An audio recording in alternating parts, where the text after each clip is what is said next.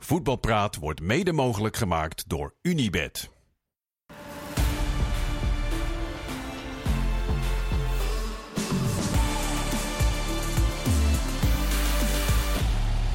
Goedenavond, dit is Voetbalpraat op de dag af. Eén jaar na een van de grootste bekerstunts aller tijden. Spakenburg won precies een jaar geleden met 1-4 van FC Utrecht in Galgenwaard. Noemden we toen nog een van de grootste bekerstunts aller tijden. Wisten wij veel dat een jaar later in de Galgenwaard precies zoiets zou gaan gebeuren. Vandaag kunt u ongeveer net zoveel spektakel verwachten als in die beide wedstrijden. Ik wens jullie heel veel succes. Steun de Boer, Jordi Amali en Marciano Vink. Heren, we hebben zitten kijken naar een... Uh, iets minder spectaculaire wedstrijd dan uh, de twee die ik net uh, noemde. We hebben zitten kijken naar de Nations League wedstrijd tussen de vrouwen uit Nederland en Duitsland. Teun, wat zou jou het meest bijblijven van de 0-2 nederlaag van de Oranje Leeuwinnen? Nou, wat bijblijft is dat het terecht is. En, en dat het nou, eigenlijk ook wel iets is van tevoren was er best nog wel een goed gevoel over uh, bij, bij velen. Dat, het, dat uh, Spanje misschien dan wel lastig, maar daarna Duitsland, dat zou goed te doen zijn. En uh, dat, dat gevoel had ik persoonlijk niet. er zijn natuurlijk wel twee landen, Spanje en Duitsland, waar best wel wat um, nou, aan de hand was. Uh, maar het zijn, als je kijkt naar speelsters wel... Moet je even uitleggen hoor. Nou ja, bij Spanje, bij Spanje had je natuurlijk het, het, het WK-verhaal en alles wat daaromheen speelde. En Wereldkampioen bij... geworden, maar ook die kus van die bondsvoorzitter Precies. en hoe het daarna verder ging. Ja. ja. en bij Duitsland heb je ook een trainerswissel uh, gehad. Daar zit nu ook een interim coach. Uh, je zou kunnen zeggen, daar is ook wel wat los. Maar uh, ja, het, het, het, was gewoon echt niet uh, goed genoeg vandaag. En Duitsland was beduidend beter. En er valt dan ook over die twee wedstrijden helemaal niets te zeggen over dat ze niet de Olympische Spelen halen. Uh, wat dan wel meteen misschien een discussie op, op gang kan brengen. Of de speelsters die nu op de plekken staan waar ze worden neergezet, of dat wel de juiste keuze is. Makkelijk praten achteraf, maar ik twijfel daar zelf wel aan. Ja, zo die discussie gaan we zo zeker ja. voeren. Marciano, wat is jou het meeste bijgebleven van dit duel?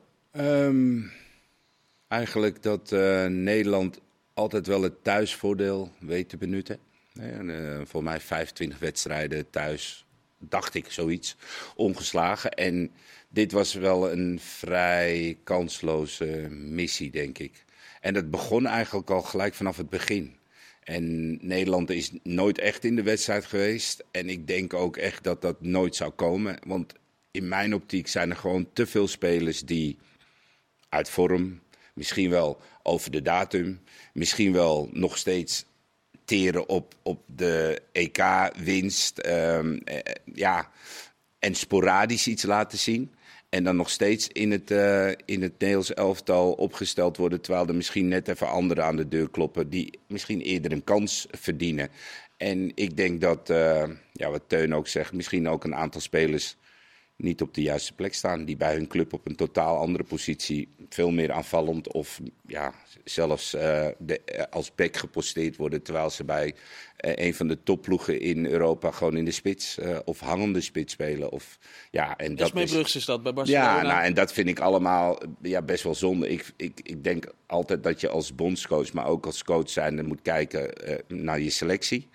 En kijken waar je de meeste spelers op hun beste positie kan neerzetten. Nou, en als dat dan niet gebeurt omwille van het systeem, ja, dan vind ik dat gewoon zonde. Want je komt voorin, kom je gewoon tekort. Jordi, ik heb nu uh, twee mensen al gehoord en allebei zeggen ze... kort houden? De spelers stonden niet op de goede plek. heb jij ook zo gestoord daaraan? Um, nou ja, misschien wel wat, wat minder, denk ik. Ik maak me meer zorgen over, zeg maar, nou ja, spelers op een andere positie posteren is denk ik per definitie alleen, ja, als coach kom je daarmee weg als het goed uitpakt, zeg maar. Dus dat is het risico van, van de coach die dit neemt. Ik denk meer als ik, als ik zeg maar in het verhaal van Marciano over de namen, daar heb ik ook, en ik, ik vind daar met kop en schouders en bijvoorbeeld de Lieke Martens ja. Die altijd speelt en nog steeds het stempel van de grote. Maar in ieder geval in de interland die ik recent heb gezien en, en tijdens de eindronde niet echt meer thuis vind geven. Maar ik vind ook dat er vandaag allemaal van de nieuwe generatie op het veld staan. En het zou ja, een unicum zijn als je als Nederland zijnde steeds maar kan blijven doorrouleren en aan de top blijven. Ik vraag me dat langzaam een beetje na deze twee duels af of dat op de lange termijn gaat lukken. Wat heel normaal zou zijn. Maar ik denk dat we een klein beetje teruggaan. Want in het clubvoetbal en ben je natuurlijk ook flink ingehaald. Er zijn allemaal landen aan het investeren. En in de Nederlandse competitie, uh, uh, ja kan niet helemaal mee met het geweld van Engeland en, en Spanje. Dat is natuurlijk ook redelijk, eh, gezien de middelen, natuurlijk logisch gevolg. Maar ik denk dat we dat ook wel een klein beetje gaan zien in het Oranje. We hebben de Brugs kaptein die allemaal een stempel hebben van, van megatalenten. En Ja, 18, 19 jaar allemaal. ja, en, en de keeper natuurlijk ook fantastisch. Maar nu we ze dan tegen Spanje en Duitsland. eh, dat- Ik vind vooral vanuit chauvinistisch oogpunt vanavond. Het kijkt heel moeizaam, omdat je echt al na twee minuten weet: het gaat niet gebeuren. Maar ja, ik denk dat er best wel eens een mindere periode. Het ging natuurlijk over die lange reeks aan eindtoernooien en, en toernooien waar ze bij zijn geweest. Nemen we afscheid van onze gouden generatie? Hadden we dat misschien niet al eerder moeten doen. Kijk, Jonker heeft eh, dat systeem aangepast voor dat WK. En dat is eigenlijk nog best goed uitgepakt. Want ze haalden daar de, eh, de kwartfinale. eh, en, en Spanje was nog best wel een close call ook. In die wedstrijd, afgelopen week dan niet. Ehm, dat systeem werkte daar goed. Maar ja, Brugs werd al aangehaald. Dat Eh, systeem is 5, 3, 2 of 3, Ja, 5, 2, 5, ja, hoe je het wil uitleggen. Ja, en als je dan kijkt naar eh, een Brugts die eh, nou, toen zij eh 16, 17 was bij PSV kwam. Toen begonnen wij net met het uitzenden van de vrouwen eredivisie. Was toen een waanzinnig talent. Heeft bij PSV alleen maar aan de buitenkant voorin gestaan. Je kunt haar een wingback maken. Maar als zij aantoonbaar op dit moment meer talent heeft of meer kan laten zien dan Martens die tegenvalt de laatste tijd in, in Oranje. Dan moet je misschien die switch maken. En dat geldt ook met spitsen, eh, of voor spitsen, die van middenvelder terug naar verdediger is gezet. Nou, vandaag vond ik eh, Jansen dan nog wel eh, goed achterin. Maar je kan je afvragen of, in dat systeem, of dat systeem dan niet misschien te veel naar spitsen gericht is toen der tijd. En of Jonker al niet had kunnen kijken, kan ik in het systeem dat we in Nederland veel gebruiken, het 4-3-3 systeem, die jonge meiden inpassen. Kaptein speelt vandaag voor de eerste keer basis. Eh, heeft een transfer verdiend, gaat, gaat komende zomer weg bij Twente. Maar is daar in de eredivisie eigenlijk week na week uitblinker. Eh, kan zij niet ook op het middenveld doen wat eh, nou ja, een Van der Donk of een andere middenvelder die heel veel ervaring heeft al jarenlang bewezen heeft. Die omslag had misschien, wat mij betreft, wat eerder al mogen plaatsvinden. Wat kijk je moeilijk, Jordi? Nou ja, weet ik niet. Omdat ik, ik had wel een beetje het gevoel dat de selectie en de vorige generatie natuurlijk eh, eh, mede verantwoordelijk was. Of in ieder geval goed heeft laten doorschemeren waar hun voorkeur lag qua aanstelling van de coach. Dus dan had het heel frappant geweest of moeilijk, denk ik, of ongemakkelijk. Als Jonker die doorselectie eerder had gemaakt. Het was gewoon op basis van het toernooi moest hij het met diegene gaan doen. En voor nu, ja, het- ik denk dat het dat je dat altijd. Het is gewoon heel moeilijk. Wie gaat er al uit? eh, wie, wie komt er al bij? Zet je ze er alvast neer? Gaan ze vanavond tegen een goede tegenstander en tegen Spanje twee keer nat? eh, Dan, dan eh, hebben maar wij misschien. Maar Jordi, je ziet wat er gebeurt als er dus een aantal speelsters, hè, Roert en, en Pelova, Miedema, Ja. als die dan wegvallen, dan moet je dus nu met kaptein en meiden gaan inpassen die eigenlijk nooit daarvoor de kans hebben gehad. Want het was altijd dezelfde elf, elf namen die we op het wedstrijdformulier zagen. En dan kan je je vraagteken zetten bij Berenstein. Je kan je vraagteken zetten bij Lieke Martens. Je kan je vraag zetten bij Van der Donk. Wat haar inbreng nou eigenlijk, eh, weet je, in, in de meeste wedstrijden is. En dat ze heel veel loopt en dat ze werkt, dat snap ik. Ja. Maar er zijn op dit moment meiden die net zoveel lopen. En misschien nog net Ja. eh, iets meer eh, kunnen brengen. Ik heb wel het idee dat ze dat in ieder geval in mijn perspe- eh, eh, perspectief dat ze heel veel competitieve wedstrijden spelen. Wat dus dan wel het moeilijk maakt. Ja, maar niet het is altijd het basis, basis, basis. Nee, Zij zitten zou- bij grote clubs, dus je speelt ook niet elke wedstrijd. En je Nee. ziet het bij volgens mij Lyon en, en met Egerola, die speelt ook niet altijd, maar die spelen wel genoeg. En Van de Donk, die, ja, als je dan naar de minuten kijkt, dan is dat niet dat zij elke keer 90 minuten speelt. Nee, zeker. Nou, je en hebt het dat- jezelf in ieder geval makkelijker gemaakt door ze meer ervaring op te laten. Nou, Ja, en de dat, ik denk dat zeker, dat Teun bedoel- 100%. bedoelt. Weg van.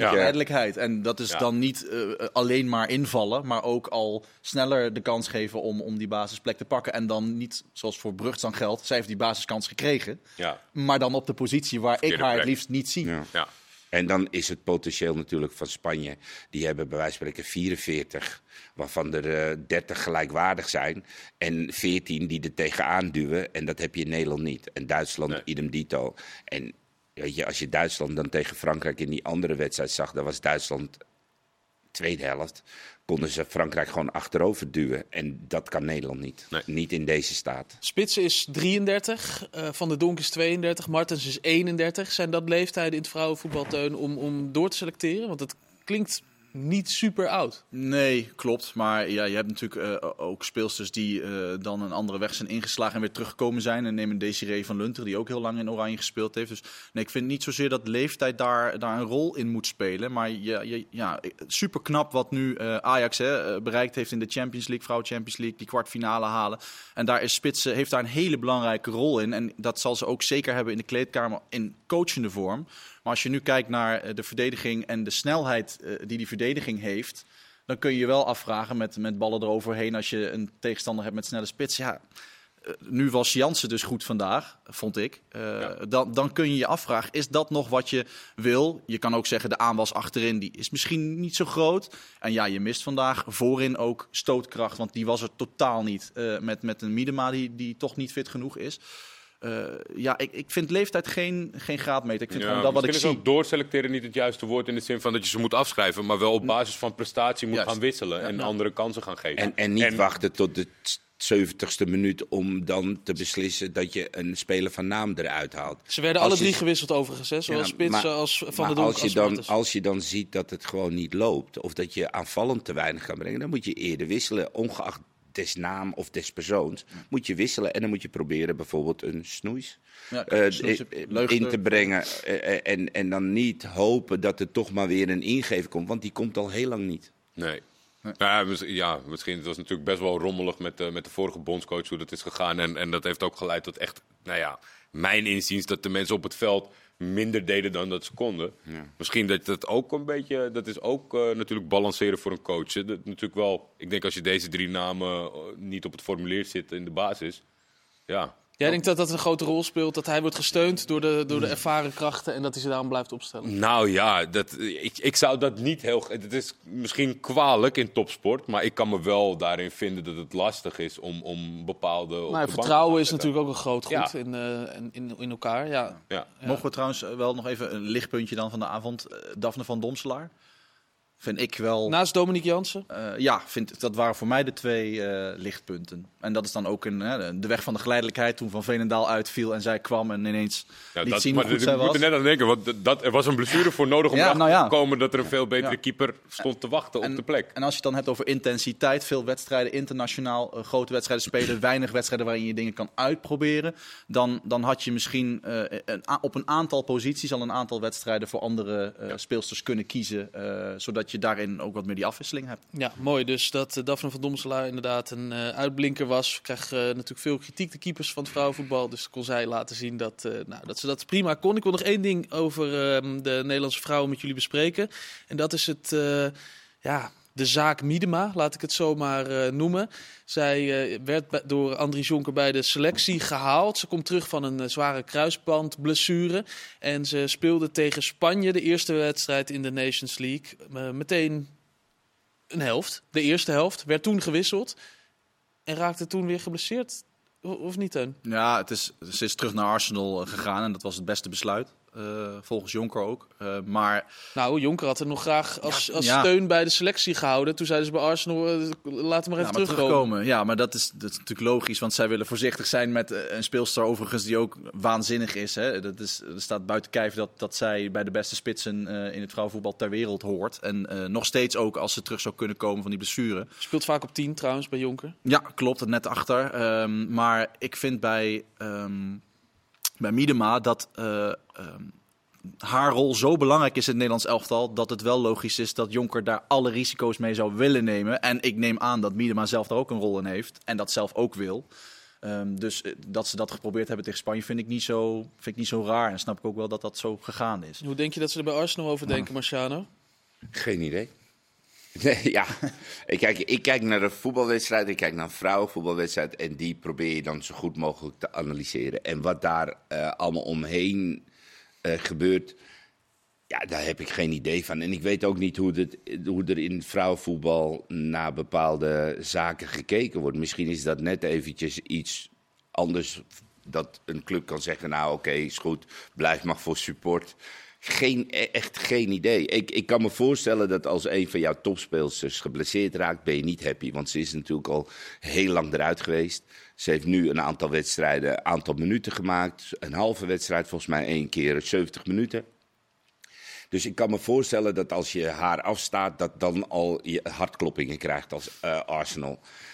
En dat het dan fout gaat, ja, ik denk dat ze zwaar pis zullen zijn. Maar goed, of zij dan eh, over hun hart strijken en zeggen: blijf maar bij de groep, hartstikke gezellig, leuk en voor het support. Geen idee. Nee. Echt niet. Nou, het blijkt van niet, want ze moest terug samen met Nou. eh, Victoria Pelova, ook een Arsenal-speelster, die ook last van de knie, knie al had Ja. en niet heeft gespeeld, maar dat Het- ook het, bleef het, het, houden. het een beetje doen vanuit clubs. En ik snap wel, want dat zijn degenen natuurlijk die het, het, eh, bekostigen. En daardoor extra eh, ja, begaan zijn ermee. Maar Ja. het is natuurlijk niet zo dat als je zegt, blijf bij het Nederlands elftal, dat ze dan gaan zitten klaverjassen. Die hebben ook gewoon een medische staf en, en een fysioruimte. Ja, dus weet je, het is nu net Doen van... ook nee, je, je, je, je mag niet op het gezellige kamp blijven. Kom terug naar je, naar je werk, zeg maar. Nee, zo- maar ik snap wel dat ze er weer even willen zien. Ze is natuurlijk een groot verdiener, zeker Miedema. Ja, ja, wat, ja, wat verandert er door, door zelf te kijken? Dat, ja, een beetje stukje wantrouwen naar de medische staf van, van het Nederlands elftal? Of bang dat ze er Angst. toch een beetje nog gaan intapen en vanavond inzetten? maar ja, dat zal Miedema zelf toch ook niet doen? Nee. Dus ik denk ook, ja, het, het, het hoort bij het vak. Ik snap altijd de frustratie van clubs en dat moet gewoon goed geregeld zijn, zeg maar. Maar als je afstaat, dan sta je diegene af omdat hij fit is en speel klaar is en dat Nederland Miedema gebruikt. En dat je dan een beetje terugslag hebt na een zware blessure. Ja, kan gebeuren. Ze werd gemist. Laten we Ja, daar in ieder geval eh, absoluut. op houden. Oké. Ehm, ja, wat, ja, wat is door? Ja, Nee, we nee, gaan nee, zeker door. Ja, we- Jij wilt het zeker hebben over Simon Tamata, want daar zag ik jou over tweeten. Oh, ja, ja, ja. Jij gaat, begint op de tafel eh, te slaan. Nee, ja, nou ja, ik, eh, ik vond het wel eh, mooi geweest nu. Maar ik had, eh, ja, Simon Tamata had ik over op X een eh, bericht gestuurd. Ja, Eh, vertel, wat, wat gaat hij doen? Nou ja, hij heeft natuurlijk al heel lang een, ehm, een voetbalschool. Ten tijde dat hij eh, de jeugd, de onderbouw, middenbouw van Ajax eh, eh, technieken bijbracht. En ehm, ja, buiten het feit dat hij die voetbalschool heeft, als je de toekomst oploopt, dan, dan zijn er gewoon drie personen die je altijd tegenkomt. Dat Simon Tamata, Heini Otto en Jacques Zwart.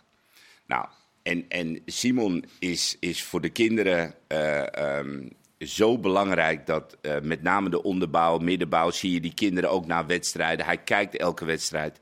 Hij ziet wat er gebeurt. Mooie technieken, becomplimenteert hij gelijk na de wedstrijd. Die gasten lopen allemaal na- naar hem toe. Dus hij is daar echt wel een, een gezicht.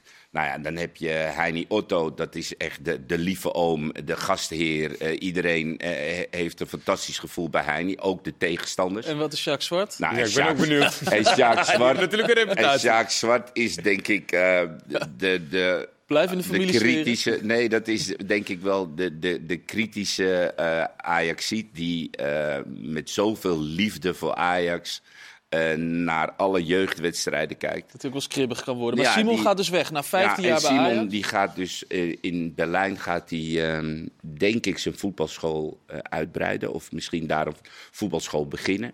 En de grote vraag is nu dat vooral, natuurlijk, Ja, er zijn natuurlijk heel veel gaat hij weg bij Ajax? Ja, er zijn een heleboel mensen die dat weer ehm, ja, in verband brengen met het feit dat een heleboel ex-Ajaxiden of oud-Ajaxiden vertrekken bij Ajax en, en dat er eh, weinig overblijft of zoiets. Nou, ik denk dat Simon daar volgens mij 15 of 19 jaar, 15 jaar. 15 jaar gewerkt heeft.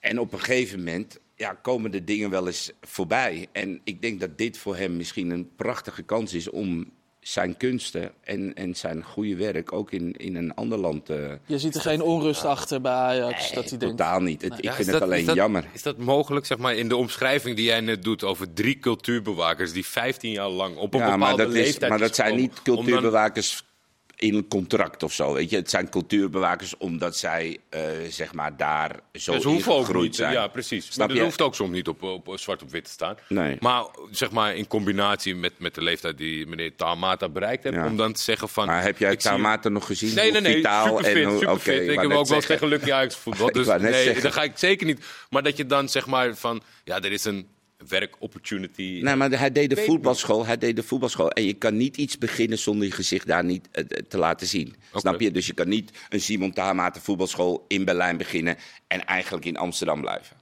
Dat lijkt mij heel wel raar. twee, drie weken vakantie kunnen krijgen bij Ajax. Om daar Nee, maar ik denk als je, iets goed wil, als je iets goed wil doen, dan moet je Moet je daar ook zijn. Dus ik, ik zie daar geen... eh, Oké, nou hebben we dat in ieder geval afgestreept. Hij gaat dus naar eh, Berlijn, wie ook in Berlijn zit, al een tijdje. is Jorbe Vertessen. Hij is eh, van PSV naar Union Berlin gegaan. En hij gaf een interview, Der Kieker, lees ik altijd graag, waarin hij zei dat hij eh, een beetje ehm, ja, baalt van het feit dat hij vaker op de bank zit dan hij had verwacht. Hij heeft van de vijf wedstrijden die hij daar zit, is hij er eentje begonnen. de Ja. eerste. De eerste. Jordi, wij dat hier is toch wel... allemaal, hebben wij hier allemaal lopen zeggen van super begripvol voor Jorbe. Die wilde spelen. Eh, de, de aanvaller daar is weg. Hij past precies in het malletje. En natuurlijk moet, je dat, eh, moet je dat nastreven in plaats van een reserverol bij PSV. En dan blijkt het toch niet zo te zijn. Ja, oké. ja, dat is natuurlijk...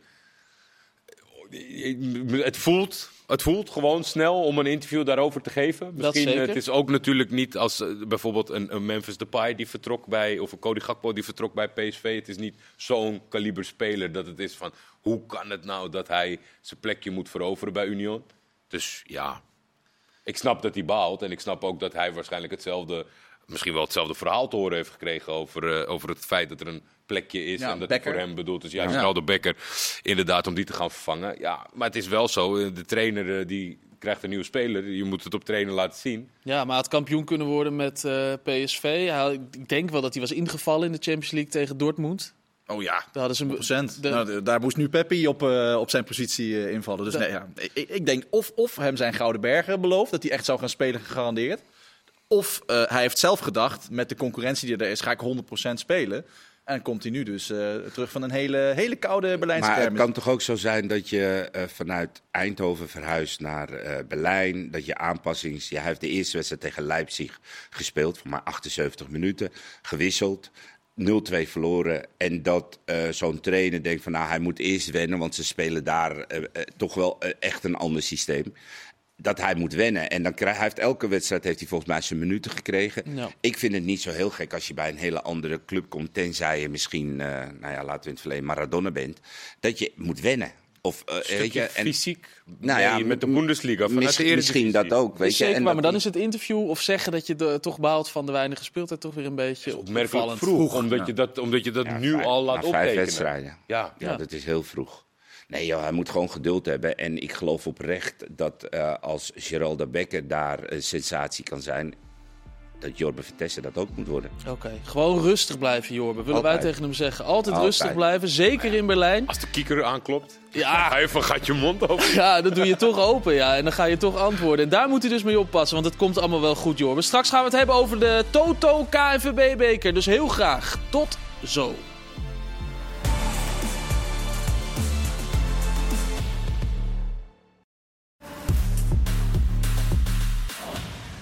Welkom terug voor eh, deel 2 van Voetbalpraat. Dat we geheel gaan besteden aan eh, vooruitblikken, maar ook terugkijken naar de wedstrijden in de, de Toto KNVB-beker. De wedstrijden zeg maar het zijn gewoon de halve finales eh, natuurlijk. Gisteren Cambuur NEC. NEC had 120 minuten nodig, maar won uiteindelijk toch van de nummer 8 in de KKD. Opvallend wel dat ze het zo lastig hadden, Teun, vond ik, tegen middenmotor uit de keukenkampioen-divisie. Mm, Ik had wel gedacht dat ze het lastig zouden krijgen. NEC komt niet vaak in de positie om de finale van de, van de beker te halen. Dus eh, ik had ook niet gedacht dat ze daar eh, eh, zonder knik in de knieën naartoe zouden gaan. Zag je En, stress?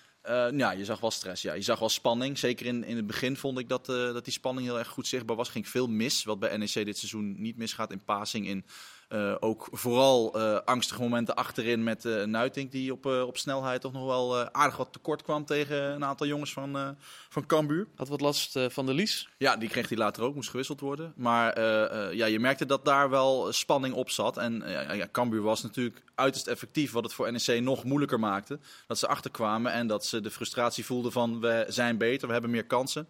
Maar hij valt nog niet. Dus dat was, eh, ja, was wel pittig. Ja. Was jij onder de indruk, eh, Jordi, van Cambuur in de eerste helft? Mwah.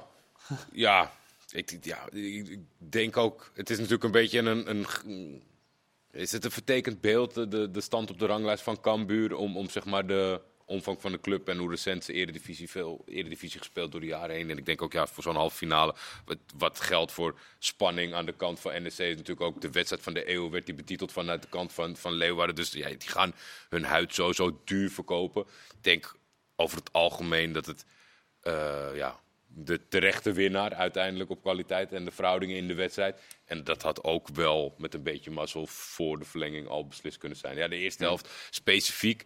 eh, Teun, de, de, de dingen die hij constateerde, dat zat een beetje in de weg. Maar ik denk vooral niet het kwaliteitsverschil. En ja, om te zeggen te schrikken van de nummer 8 in, in dit seizoen van de beker. ja, die verhoudingen, dat daar hebben we het steeds ja. over. Het, het, het wordt kleiner en dan is natuurlijk... eh, een, een tegenvallend op de ranglijst, misschien maar Cambuur Leeuwarden gewoon een, een zware dobber voor een eh eredivisieploeg. Ja, als je gewoon kijkt hoeveel ploegen er dit seizoen al uit de Eredivisie, maar ook uit de KKD, hoeveel moeite ze gehad hebben met eh, amateurploegen. En dan hebben we, ja, jij begon al over Ajax natuurlijk. Dus eh, het verschil in een bekerwedstrijd is, denk ik, aantoonbaar dit seizoen te verwaarlozen. Dus dat Cambuur zijn huid zo duur mogelijk verkoopt en dat echt eh, met verven gedaan hebben. Spectaculair vuurwerk. Eh, Vlammenwerpers. eh, vlammen, ja, alles, entree, ja, alles, echt, alles. Dat is echt heerlijk, ja. Bizar. Dat gedeelte was ik wel echt onder de indruk. Ja. De boeken en de vuurwerk, nee, dat moet ik wel Het was zeggen. echt over de eerste bizar. Maar ze hebben gewoon alles gegeven. En, en je zag gewoon dat in alles NEC gewoon beter was. En dan kom je een beetje lullig. Ik, ik, ja, die Ulrikes die stond op. Maar ik dacht echt, die, die, die, die breekt zijn neus dan met die, met die goal. Dat dacht hij zelf Heel ook, hè? snel. Ja, hij stond heel snel op. Heel en op een gegeven moment ja, schrok hij toch wel, denk ik, van de, van de klap. Maar goed, eh, NEC bleef wel gewoon voetballen. En ja, ze, eh, volgens mij zei Nuitink na afloop ook dat zij echt wel het gevoel hadden. En dat eh Rogier Meijer ook heel rustig was in de kleedkamer. Het komt wel goed. En het kwam ook goed. En ik denk dat ze terecht ook in de, in de finale staan. Ja. Eh, wel die 88ste minuut nog even uh, terughalen. Ja, even had echt nog wel even anders kunnen aflopen. Redding van. Sillissen was het. Oh, Ja. Echt een mega redding. Eh, NEC had er ook eh, vier kunnen. Tuurlijk, tuurlijk, maar toen stond maar het het nog was, 1-1. het was een Bij een stand van 1-1 redding. en daarna was het niet meer goed gekomen. Sillissen is sowieso wel in vorm, hè, de laatste tijd. Zeker, langer al. Ja, ja ik, eh, eh, nou, ik, ik zou niet eh, heel verbaasd zijn als hij eh, niet als eerste keeper, maar wel als potentiële derde of vierde keeper op een lijstje staat inmiddels weer. Eh, hij laat Nederland zelf heb je het over. Ja, ik vond bij de eerste goal zou je nog kunnen zeggen, de, de goal van Ulrikis, dat dat, dat niet heel erg lekker uitzag. Maar die redding... was vrij en- wild. Ja, wild is hij dan wel, maar ook voor hem. Je zag ook aan het einde wat het met hem deed, dat hij de finale haalde. Hè? Dat hij ook zei van, eh, hier ben ik voor teruggekomen. Terwijl hij eigenlijk toen de tijd terugkwam en zei, dat doe ik om weer in aanmerking te kunnen komen voor het Nederlands elftal. Nou, dit seizoen heeft hij, en dat vind ik toch ook wel knap met alles wat hem overkomen is. En wat over hem gezegd en geschreven is, dat hij op deze manier nu terugkomt in de eredivisie. Ik, ik zou hem als eh, Koeman toch wel op een lijstje hebben staan, ja. Ja, als derde is het een derde of vierde Ja, dat- keeper. Want het- Dat, is, ja, dat, ja, dat, dat zegt ook veel over de situatie. Dat dat het eerste Ja. is wat je je afvraagt. Ja, maar dat moet Sil- Sillissen toch zelf Dat- kunnen aangeven bij een bondscoach als een bondscoach of een keeperstrainer Oh, dat luxe, gesprek met hem aangaat. Een luxe om dat te kunnen aangeven. Dat je ook zegt, nee bedankt, ik ben geen goede Ja, goed, als- Dat als- zou wel goed zijn als Ja, dat als hij dat niet zo- kan of kan opbrengen, maar ik denk dat hij dat wel nog zou willen voor een eindtoernooi. Ja, denk ik ook. Denk ik Ja. ook. En als je ook ziet de situatie rondom de keepers, eh, met het, het wisselen, het uit vorm raken, eh, we kiezen voor die en dan uiteindelijk lukt het toch weer niet. Dus ja, wat dat betreft, eh, met de prestaties die hij levert, eh, moet, hij, moet hij wel op de Nederlandse keeperslijst staan. Of je er gebruik van maakt, of dat hij daar op in wil gaan, dat, dat is verder aan die partij. Maar ja, hij hoort wel momenteel op een lijst met Nederlandse keepers Ja. die kans maken. wel echt knap, want hij is van ver gekomen natuurlijk. Nou, hij zat behoorlijk diep, Ja. volgens mij. Maar goed, eh, een aantal interviews hebben hem niet geholpen. Een aantal blunders hebben hem niet geholpen. Ja, en dan op een gegeven moment, eh, dan, daarvoor dan nogal dat hij niet bij de selectie zat. Ja, en, en ook nog privé eh, allerlei sores. Dus wat dat betreft eh, eh, moest hij van ver komen. Maar des te knapper. En ik zal je ook eerlijk stellen, na de wedstrijd had hij een interview waarin hij lachte, waarin hij vrolijk was. Waarin er geen verborgen Nee. irritatie in Dat zijn was mooi hoofd met zat. Hanske junior, ja. Ja, dat, dat, dat was gewoon een, een, een hele blije keeper, een blij persoon die, ja, die gewoon naar de finale gaat. Ja. En, ja, ik, ik vond het wel leuk om En te hij heeft zien. toch uiteindelijk in, in- altijd een uitzonderlijke bank met Nederlands elftal wat dat betreft. Want hij heeft natuurlijk heel lang heel goed gepresteerd terwijl hij geen minuut maakte op, op, op clubniveau. En dan kan je natuurlijk wel eh, ja, trainen en bij een topclub en dat soort dingen. Maar ja, het lijkt me toch voor elke positie op het veld heel fijn als je af en toe tussen de lijnen staat. En dat heeft hij ook gewoon met verven gedaan altijd.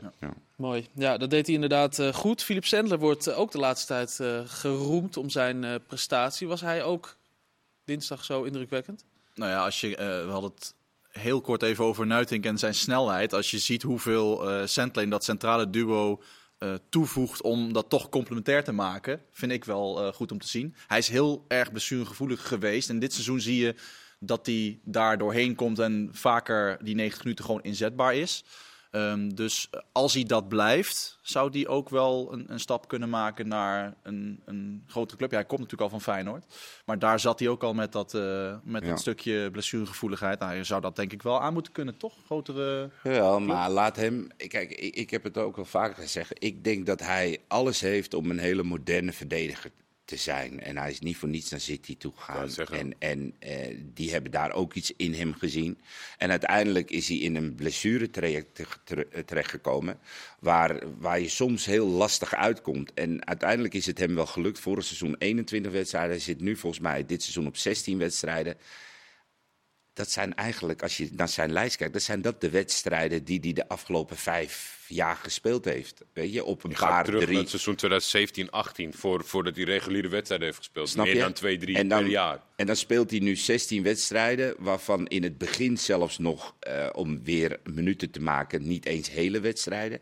En wij hebben het er al over, kan hij het niveau eh, hoger op aan. Ik denk dat het heel verstandig voor hem zou zijn om gewoon, ja, het is nu nog een paar maanden, om hierna nog een seizoen erachteraan te plakken, waarin je gewoon echt fit en fitter wordt. Want hoe fitter je bent, hoe sterker je bent en des te meer zijn kwaliteiten nog naar boven kunnen komen. Maar- en ja, Maakt het uit, Marciano? In, in principe zeg maar voor die stap, omdat het, het, het is zijn lichaam. Het is meer Ja, van, maar wil- je krijgt dan te het maken. Ja, maar je krijgt ook bij een, bij een grotere club krijg je te maken met concurrentie. Dat je misschien net even iets meer gaat willen laten zien, iets meer gaat willen doen omdat je nou eenmaal een concurrent hebt en je wil niet op de bank terechtkomen. Dus dan vraag je misschien net even iets meer. Terwijl hij bij NEC weet, hij, ik speel ben de 100%. beste, ja. Ik ben hier waarschijnlijk de beste, want je ziet hem ook heel vaak Nuiting coachen. En boos worden op Nuiting als bepaalde dingen niet goed gaan.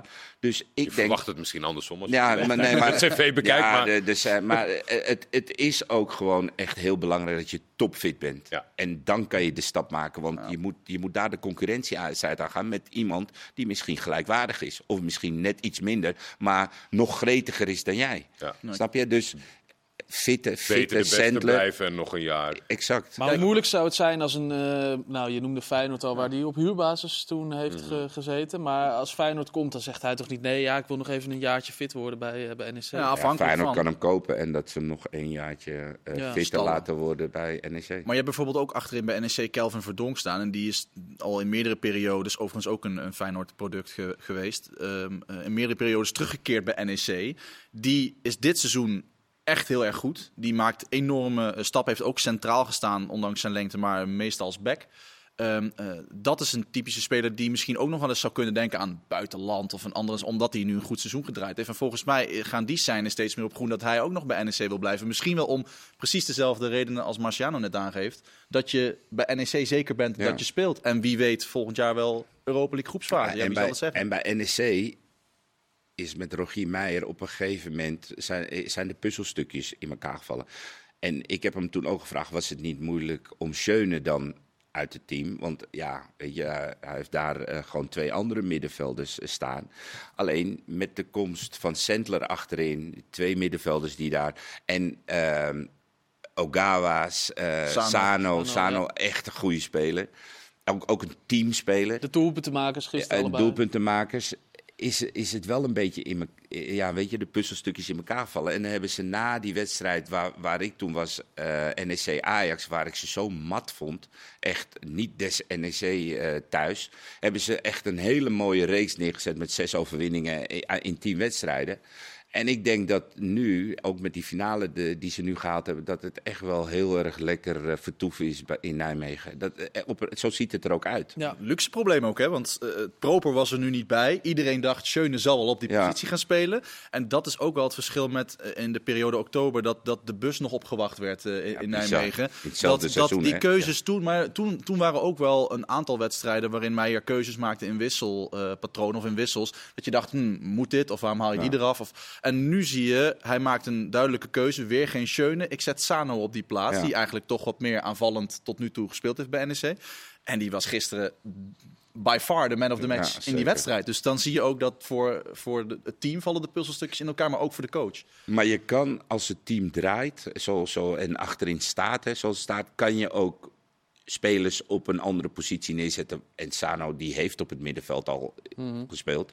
Dus die kan je daar ook makkelijker neerzetten, omdat je weet dat de organisatie gewoon goed is. Dan kunnen spelers ook op een andere positie staan. Als die organisatie en de flow waar het team in zit niet goed is, ja, dan, dan zie je dat soms spelers verzuipen op een andere, andere positie. En nu, ja, het, het loopt. Eh, De wedstrijden die NEC speelt zijn echt, eh, echt, echt leuk om naar te kijken. Weet Henk je de. Jong was ook zwaar onder de indruk. Hè? Hij zei, eh, deze ploeg heeft echt een kans om eh, de finale Maar waarom te niet? winnen.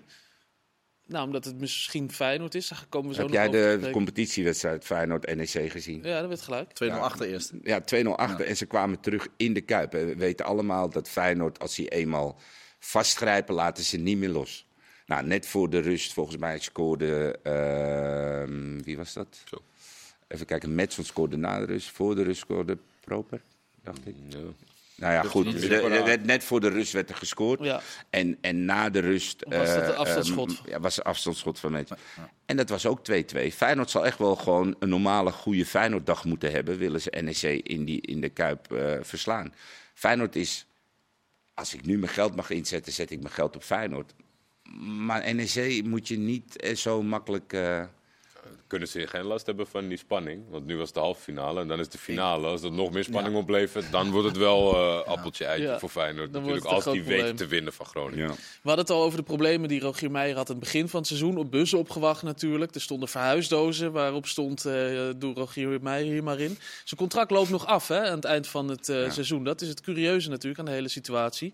Moeten ze hem nou verlengen, Teun? Of... Ja, nou curieus, ze hebben natuurlijk bewust met één jaar verlengd vorig jaar. Dus, Ja. dus op zich zit daar wel een, een, een, een patroon in dat ze dat steeds met een jaar doen en dan weer opnieuw eh, curieuze zit er nu evalueren. natuurlijk in dat ze de bekerfinale halen. Ja, nou ja, dat, dat wel. En ik denk ook als je eh, de directie, dan gaat het in dit geval om, om eh, Albers van Schaik, als je die gevraagd had in oktober hoe ze daarin zouden staan, dat dat anders is dan dat dat nu is.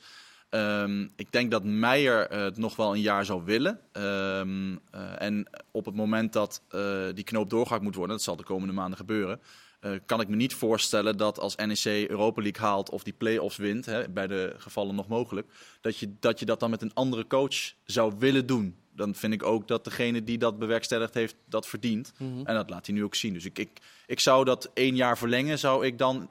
Als ik Doorzetten. nu de directie van NEC zou zijn, zou ik één jaar er dan weer bij doen. Ja. Ja. Het is wel heel voetballend gedachte natuurlijk. Want in principe, hij loopt er natuurlijk lang rond. En als je daar, eh, daar heb je een bepaalde visie bij. En dat, Juist. dat maakt net als dat ze hem laten zitten na een slechtere periode. Niet ook ineens Ook rustig na gebleven. een goede periode. Ja.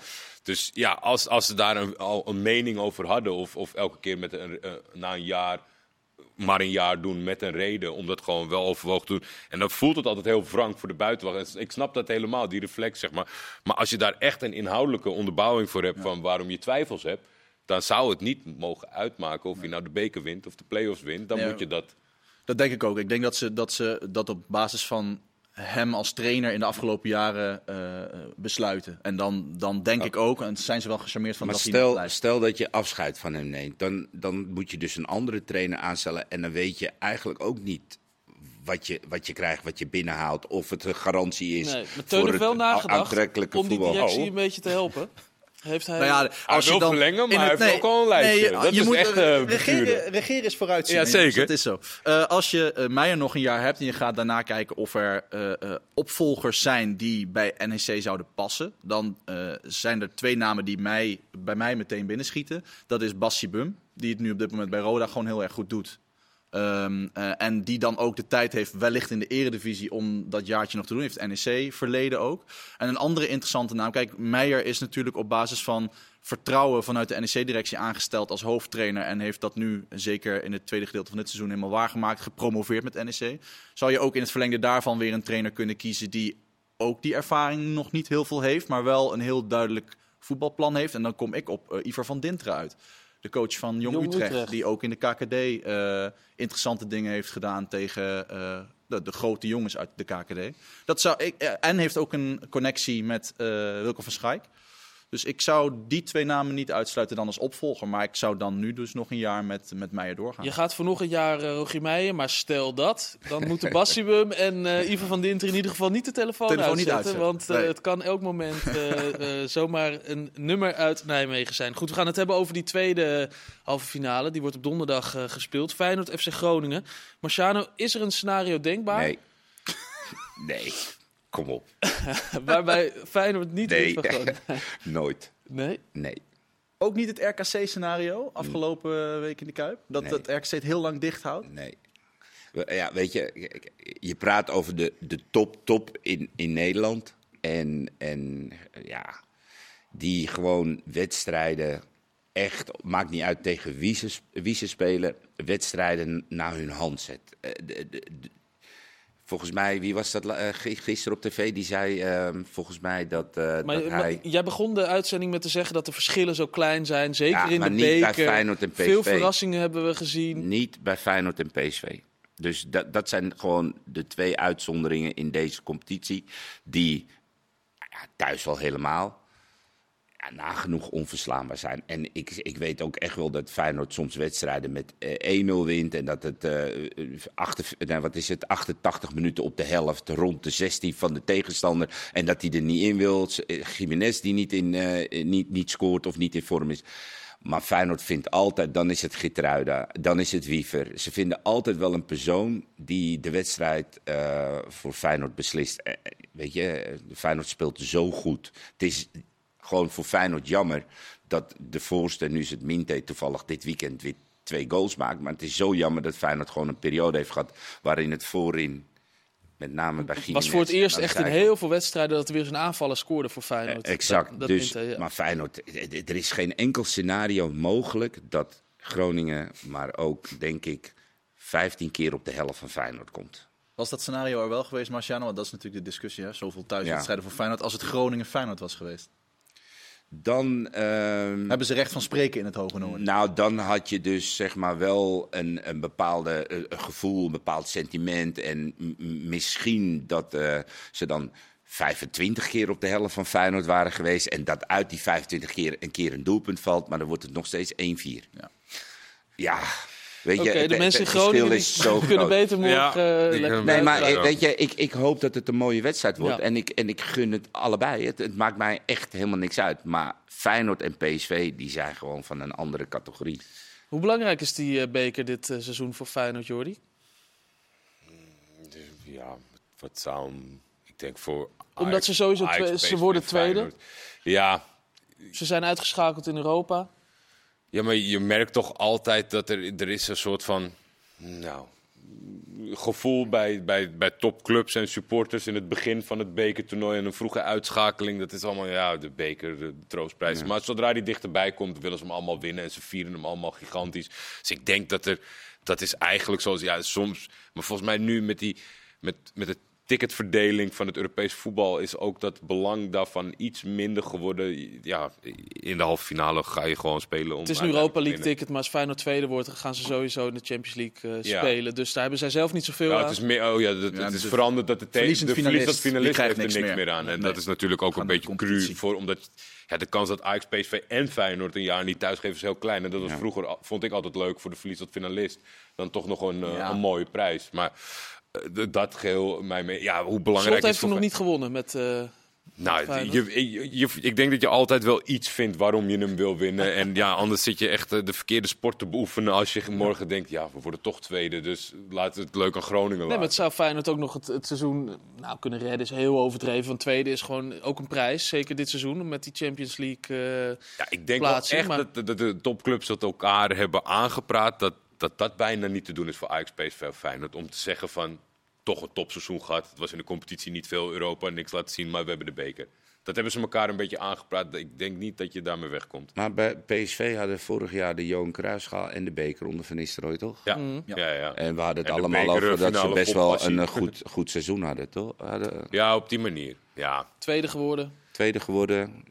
Ja. Uiteindelijk via die eh, eh, kwalificatie Champions League in. Kijk wat ze nu staan. Dus ja maar zou je, het, zou je het seizoen van Feyenoord anders beoordelen Met of zonder bekerwinst? Als ze gewoon tweede worden achter een fantastisch PSV? Ik zou het wel een domper vinden als Feyenoord de beker dan niet wint. Als je eenmaal en in de Kuip mag spelen en je hebt bij wijze van spreken NEC en Groningen, dus Groningen en dan eventueel NEC als tegenstander en je wint hem niet. Nee, ja, tuurlijk. Ik Dan kan er wel is op dat terugkijken wel- van, dan is dat wel een krasje op, een op, kras dan op die tweede een kras plek. op je seizoen als je hem niet wint. Exact. Ja, oké. Nee, eens. Ja, Dus Fijn- winnen. Feyenoord gewoon eh, winnen. En we hebben al gehoord van Marciano Vinker, is geen enkel scenario denkbaar Nee. waarbij Feyenoord Ik morgen... En ik, met- ik, Ja. hoop, 15. ik hoop voor 16 Groningen, ik hoop voor Groningen dat ze er echt een prachtige wedstrijd van kunnen maken en dat ze met opgeven hoog het stadion uit kunnen. Maar het wordt 0-4. Ja. Nee, 4-0. Oh, Dan- 4-0, sorry. Ja, scherp blijven. Bedankt voor het kijken, bedankt voor het luisteren. Mensen in Groningen, heel veel plezier met die halve finale morgen tegen Feyenoord. Dag!